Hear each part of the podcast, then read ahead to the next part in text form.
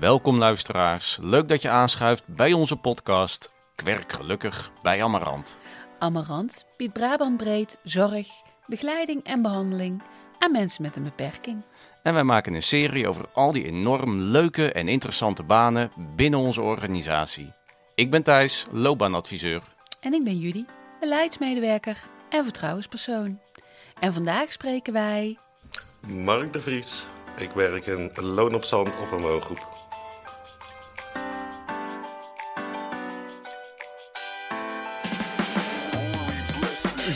Op je face, het moment dat je ontwaakt. Amarant is de plek waar werken gelukkig maakt. Wil je een loopbaan waar je ontwikkelt? Zoek je een baan, maar is het ingewikkeld? Kom naar Amarant, de keuze is reuze.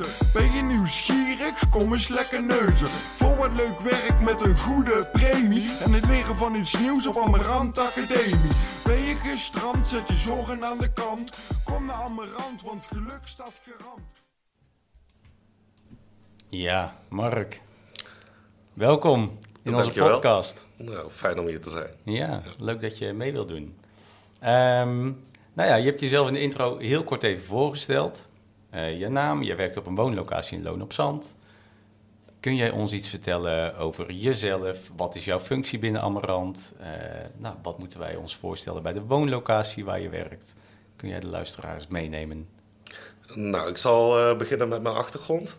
Ik eh, kom eigenlijk uit een hele andere hoek. Ik eh, ben ooit journalist geweest en ik heb op de filmacademie gezeten. En op een gegeven moment dacht ik, ik wil een switch maken. En eh, ja, zodoende kwam ik op een functie als begeleider in opleiding, als zij-instromer bij Amarant terecht. En Hoe lang is dat geleden? Ik ben in het najaar van 2021 ben ik begonnen. Oké, vrij recent dus. Toch? Nou ja, twee jaar. Ja, Ja, ja. ja. in principe wel. En, eh, ik had natuurlijk helemaal geen ervaring. Maar eh, ik wist wel al heel snel van, nou, ja, hier zit ik meer in mijn element. Dus eh, ja, zodoende heb ik eerst een half jaar eh, boventallig gestaan. Vanaf het najaar 2021. En dat wil zeggen dat je dus eh, gewoon meedraait met de rest van eh, de groep. En eh, dat je niet per se ja, zelfstandige diensten draait, maar gewoon de eventjes... ruimte krijgt om te leren eigenlijk. Precies. En dat je alle twee kan aftasten van, nou, past dit werk bij mij en pas ik ook bij dit werk? Dus dat was eigenlijk na een paar maanden al heel duidelijk. Toen eh, Dat, kon dat, ik dat dat paste. dat dat paste. Ja. Ja. Ja, toen kon ik ook al heel snel eh, zelfstandig eh, diensten draaien. En nou, ik, ja, het was gewoon een warm bad. Ook de collega's die ontvingen me heel liefdevol. Ja. En die wilden me ook heel graag ja, dingen bijleren. En, ja, dat is natuurlijk ook het belangrijkste. Dat je erachter komt van, is dit iets wat bij mij hoort of niet? En nou, daar kwam ik al heel snel achter. Eh, Werk, werk jij al die tijd al op dezelfde locatie? dat wel. Ja. In Loon op Zand dus, hè? Ja, Ja. ja. En kun jij iets, want je noemt het net een warm bad, maar hoe ziet dat warm bad eruit? Wat moeten we ons daarbij voorstellen? Nou, je wordt omarmd, eh, zowel door de collega's als door de cliënten. Ehm, En om hoeveel cliënten gaat dat dan? Ja, we hebben een woongroep van eh 15 cliënten. En die woongroep die, eh, bestaat uit dus één grote gezamenlijke ruimte waar appartementen zitten voor negen cliënten. En eh, daarnaast hebben we twee bijgebouwen waar in totaal zes cliënten wonen. Die kunnen iets meer zelfstandig leven. We hebben van alles op eh, de locatie. eh, van niet aangeboren hersenletsel tot eh, mensen met syndroom van Down en ehm, epilepsie. Ja, licht verstandelijk beperkt, matig verstandelijk beperkt. In ieder geval, het is eigenlijk één grote familie. En ja, daar mocht ik opeens onderdeel van uitmaken. En dat voelde heel fijn. Ik moet een beetje denken aan... eh nou, Judy, wij werken nu 15 jaar binnen Amarant. Zoiets. Samen ook. Ja, ik Leuk. ben heel benieuwd waar je naartoe gaat met dit verhaal. dat snap ik. Toen wij begonnen, in- in- op het gebied van werving en selectie 15 jaar geleden, toen kwamen we wel meer uit de tijd volgens mij dat woonlocaties gezinshuizen werden genoemd, toch? Nou ja, wat je vooral vaak Of gezinsvervangend tehuis, een GVT? Ja, nou die term inderdaad, is, eh, die, was, die was toen net afgestoten, denk ik, 15 jaar geleden. Hè? Maar dat was het eigenlijk, hè? een thuis niet bij je eigen familie, maar wel echt een thuis. Ja. En wat je ook wel zag was, en ik weet niet hoe dat op jouw locatie is, ehm, dat je zag dat mensen gewoon heel graag bijvoorbeeld in Loon op Zand wilden blijven wonen. Dus dat dan eigenlijk minder gekeken werd naar welke beperking heeft iemand, maar iemand heeft bijvoorbeeld een binding met dat dorp. En dan wordt gekeken of er een mogelijkheid is om daar te blijven. Hoe is dat op jullie groep? Nou, laat ik er zo op inhaken. Ehm, er is natuurlijk wel in- en uitstroom qua eh, bewoners, maar de meeste mensen op mijn locatie die kennen elkaar al heel lang. We hebben ook een stelletje bijvoorbeeld, die al twintig jaar getrouwd zijn met syndroom van Down. Nou, eh, ja, die eh, hebben het hartstikke goed naar elkaar, eh, naar hun zin met elkaar. En die hebben alle twee een apart appartement, maar die wonen eigenlijk samen. Dat is hartstikke leuk om te zien. Ehm, daarnaast, we eten ook gewoon allemaal samen in de huiskamer. Dat eh, vind ik ook echt een, ja... Het heeft twee kanten natuurlijk. Enerzijds, eh, je moet het zo zien, het is een soort broer-zus-relatie die je steeds tegenkomt. Omdat ze, Bij, bij de cliënten Bij de die zo met elkaar omgaan, ja. de bewoners. Wat zeggen jullie, cliënt of bewoners? ja, dat is altijd inderdaad discutabel, hè, Ja. hoe je het wil benoemen. Want het Waar zijn kiezen gewoon jullie voor? bewoners. Ja, precies. Eh, tegelijkertijd, als we dingen rapporteren of zo, dan wordt er vaak wel over een cliënt gesproken. Maar dat is ook voor iedere begeleider eh, zijn eigen keuze natuurlijk. Maar wat ik heel mooi vind, is om te zien dat, eh, om terug te komen op dat broer-zus verhaal, de ruzietjes bijvoorbeeld die er ontstaan, eh, die gaan over hele eh, triviale dingen. En eh, dan moet je toch gewoon eventjes ertussen komen en dan wordt het weer opgelost. En elke dag is anders, laat ik het zo zeggen. Dus eh, je weet nooit wat er die dag weer gaat gebeuren, maar het is elke keer weer een leuke uitdaging om ja, dat op te pakken. En, eh, Is het voor jou prettig dat iedere dag anders is? Ga je daar goed op? Ja, ja, daar wel op. Eh, ik moest wel wennen aan het feit dat eh, de werktijden, als we het daarover hebben, dat, dat is natuurlijk wel even wennen. Je moet echt wel flexibel kunnen zijn. En eh, ik moest echt wennen aan het feit dat je eh, op voorhand al drie maanden moet weten hoe je werktijden eruit gaan zien en dat die elke week anders eruit zien. Onregelmatig ook, kan ik me voorstellen. Precies. Ja. Maar als het gaat over het contact tussen de cliënten, eh, wat elke dag weer anders is, dat is wel een leuke uitdaging. Om daar ja, dan toch gewoon. eh, ja, als ik even teruggrijp naar eh, mijn journalistieke opleiding die ik hiervoor heb gedaan, dat was meer vertellen van een verhaal. En ik voel me nou wel meer onderdeel van een verhaal. En ja, dat voelt wel fijn. Dan heb je echt het gevoel dat je iets toevoegt. Ik ga daar gelijk een brug maken, want wat ik interessant vind in jouw verhaal is dat je ergens in jouw loopbaan zo'n duidelijke switch hebt gemaakt. Ja. Je bent echt een heel andere richting ingegaan. Wat maakt dat je juist deze richting ingeslagen bent? Ja, ik heb altijd, eh, of nou ja, altijd, eigenlijk sinds een paar jaar een mantra gehad. Eh, er zijn drie dingen belangrijk. En dat is één, dat je het gevoel hebt dat je in je element bent. En twee, dat je er goed in bent ook. En drie, dat je er ook waardering voor krijgt. En ik kreeg dat eh, met mijn vorige baan niet alle drie terug. Dat was meer... Welke ontbrak van de drie? Nou, ehm, ik denk vooral eh, de waardering. Ja. Ja, de dankbaarheid van collega's, maar vooral ook van cliënten. Die, eh, ja, daar smelt mijn hart van. Als ik eh, een paar dagen niet heb kunnen werken vanwege mijn opleiding, want ja, dat is ook één dag in de week natuurlijk. En je hebt de voorkeursdag dat je vrij bent en soms dan ben je er gewoon een paar dagen niet. Maar als je dan terugkomt en ja, je wordt omarmd eh, door iedereen die je heeft gemist. nou, Je zit hier helemaal blij te zijn. Leuk. Ja, tof. Ja, Kun je binnen Amarant achter alle drie de elementen nu een vinkje zetten? zeker. Ja, tof. En eh, af en toe is het gewoon aanpoten. Want eh zijn stroomtraject is natuurlijk ook een verkort traject. Maar tegelijkertijd, je of ja, als ik meteen mag inhaken op hoe de lesdagen eruit zien. Je hebt de, de dinsdag heb je de lesdag. En dan kom je samen met ook een stuk of twaalf andere studenten die allemaal op een andere locatie staan. En Allemaal studenten van Amarant? Ook allemaal zijnstromers die allemaal ook uit een hele andere hoek komen. Ja, Dus, maar je hebt eh, een klas van Amarant, moet ik dat zo zien? Ja, vanuit NCVB wordt het volgens mij georganiseerd samen met Amarant. Ja. En ehm dan zit je bij het Minervum, bij het innovatiecentrum eh Ja. Imagine. Locatie van Amarant ook. Ja, Ja. precies. En eh, dan kan je al je ervaringen met elkaar delen en kijk je bij elkaar in de keuken nemen. En dat is ook heel interessant. Dan, eh, En je kunt dan eigenlijk, eh, dat zijn eigenlijk de dagen waarop je ook theorie krijgt. De Ja. lesdagen. Precies. Dus eh, de- het begint in de praktijk met die boventalligheid als je begint aan je studie. En ja, die lesdagen die zorgen ervoor dat je de praktijk en de theorie aan elkaar kan koppelen. Ja, dat je die kunt verbinden. Juist. En moet ik het zo zien dat je ongeveer één dag in de week naar school gaat, vier dagen in de week werkt? Is dat... Ja, Ja. Dat is ongeveer het idee. eh, En hoe lang duurt de opleiding? anderhalf jaar. Anderhalf jaar. Ja. Dus jij loopt op het einde. Ik eh, moet 14 juli eh, heb ik mijn eindgesprek. En, Oeh.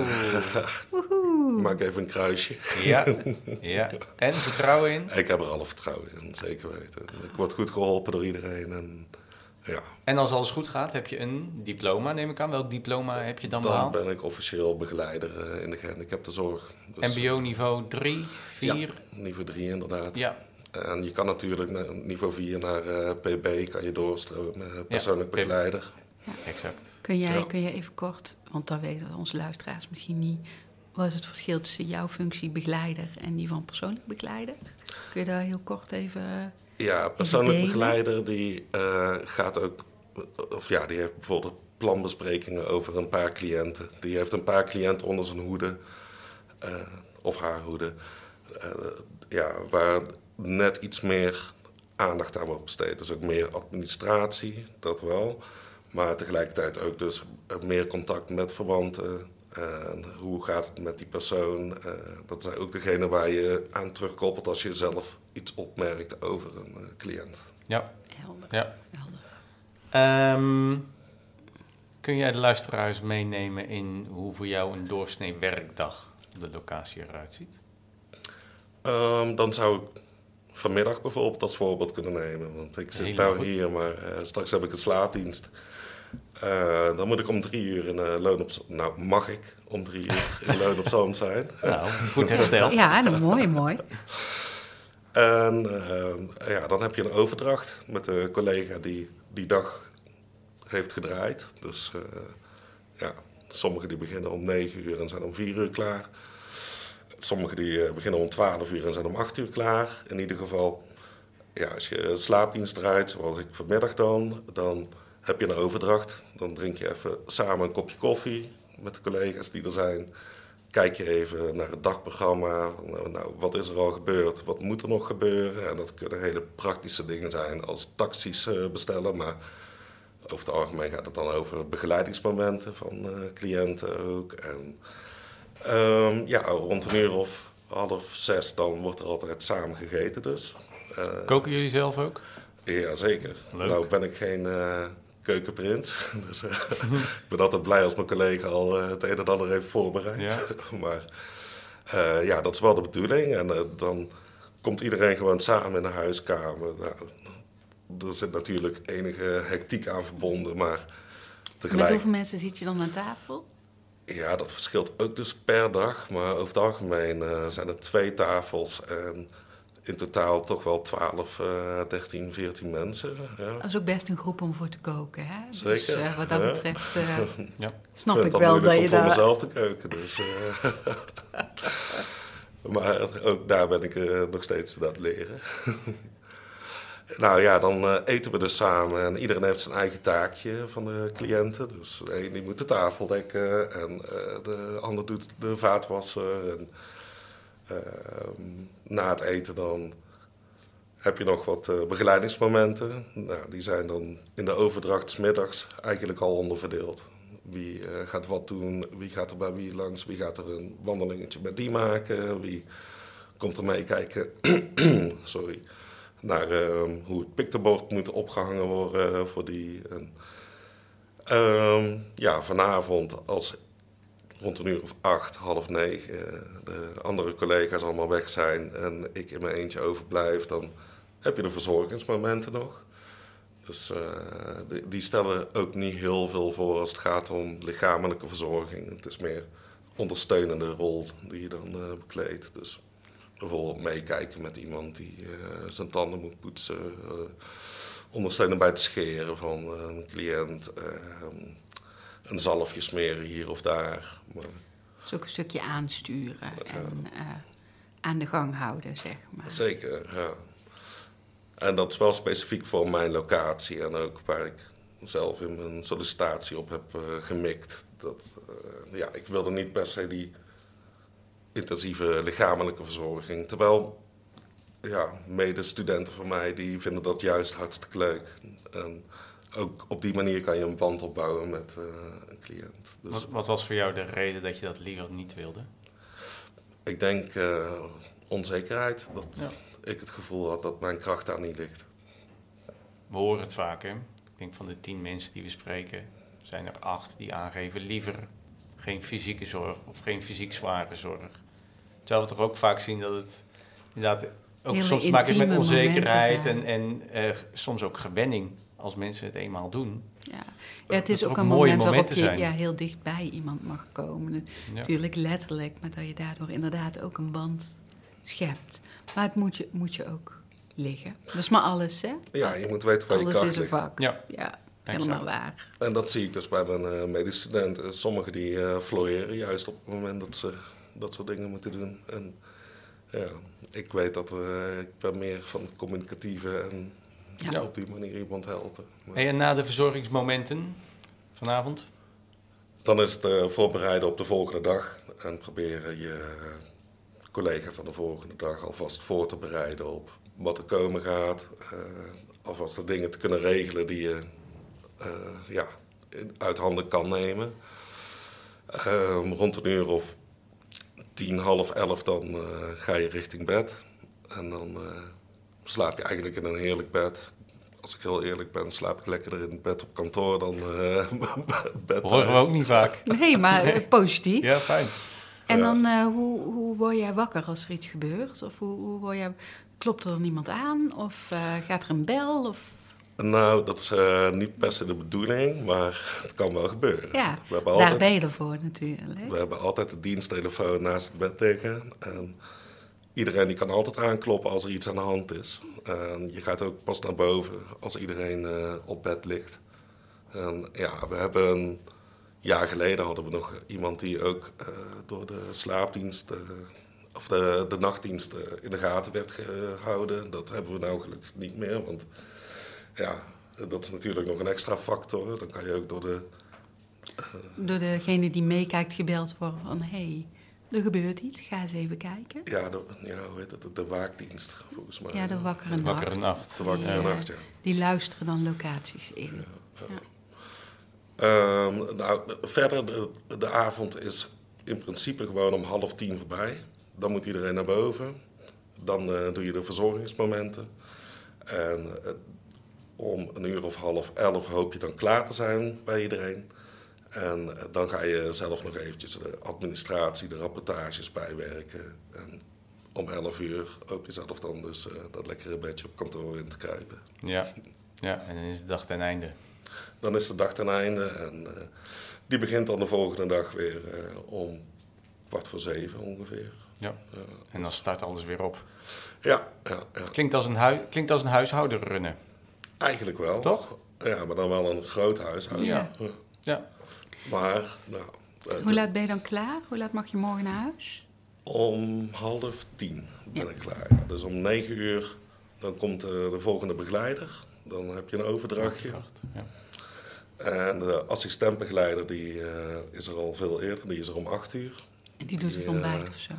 Ja, en uh, de boodschappen die binnenkomen. En bijvoorbeeld met diegene met niet aangeboren hersenletsel, die moet ook verzorgd worden. Dus die moet wel gedoucht worden. Ja. Dat is eigenlijk de enige op de groep.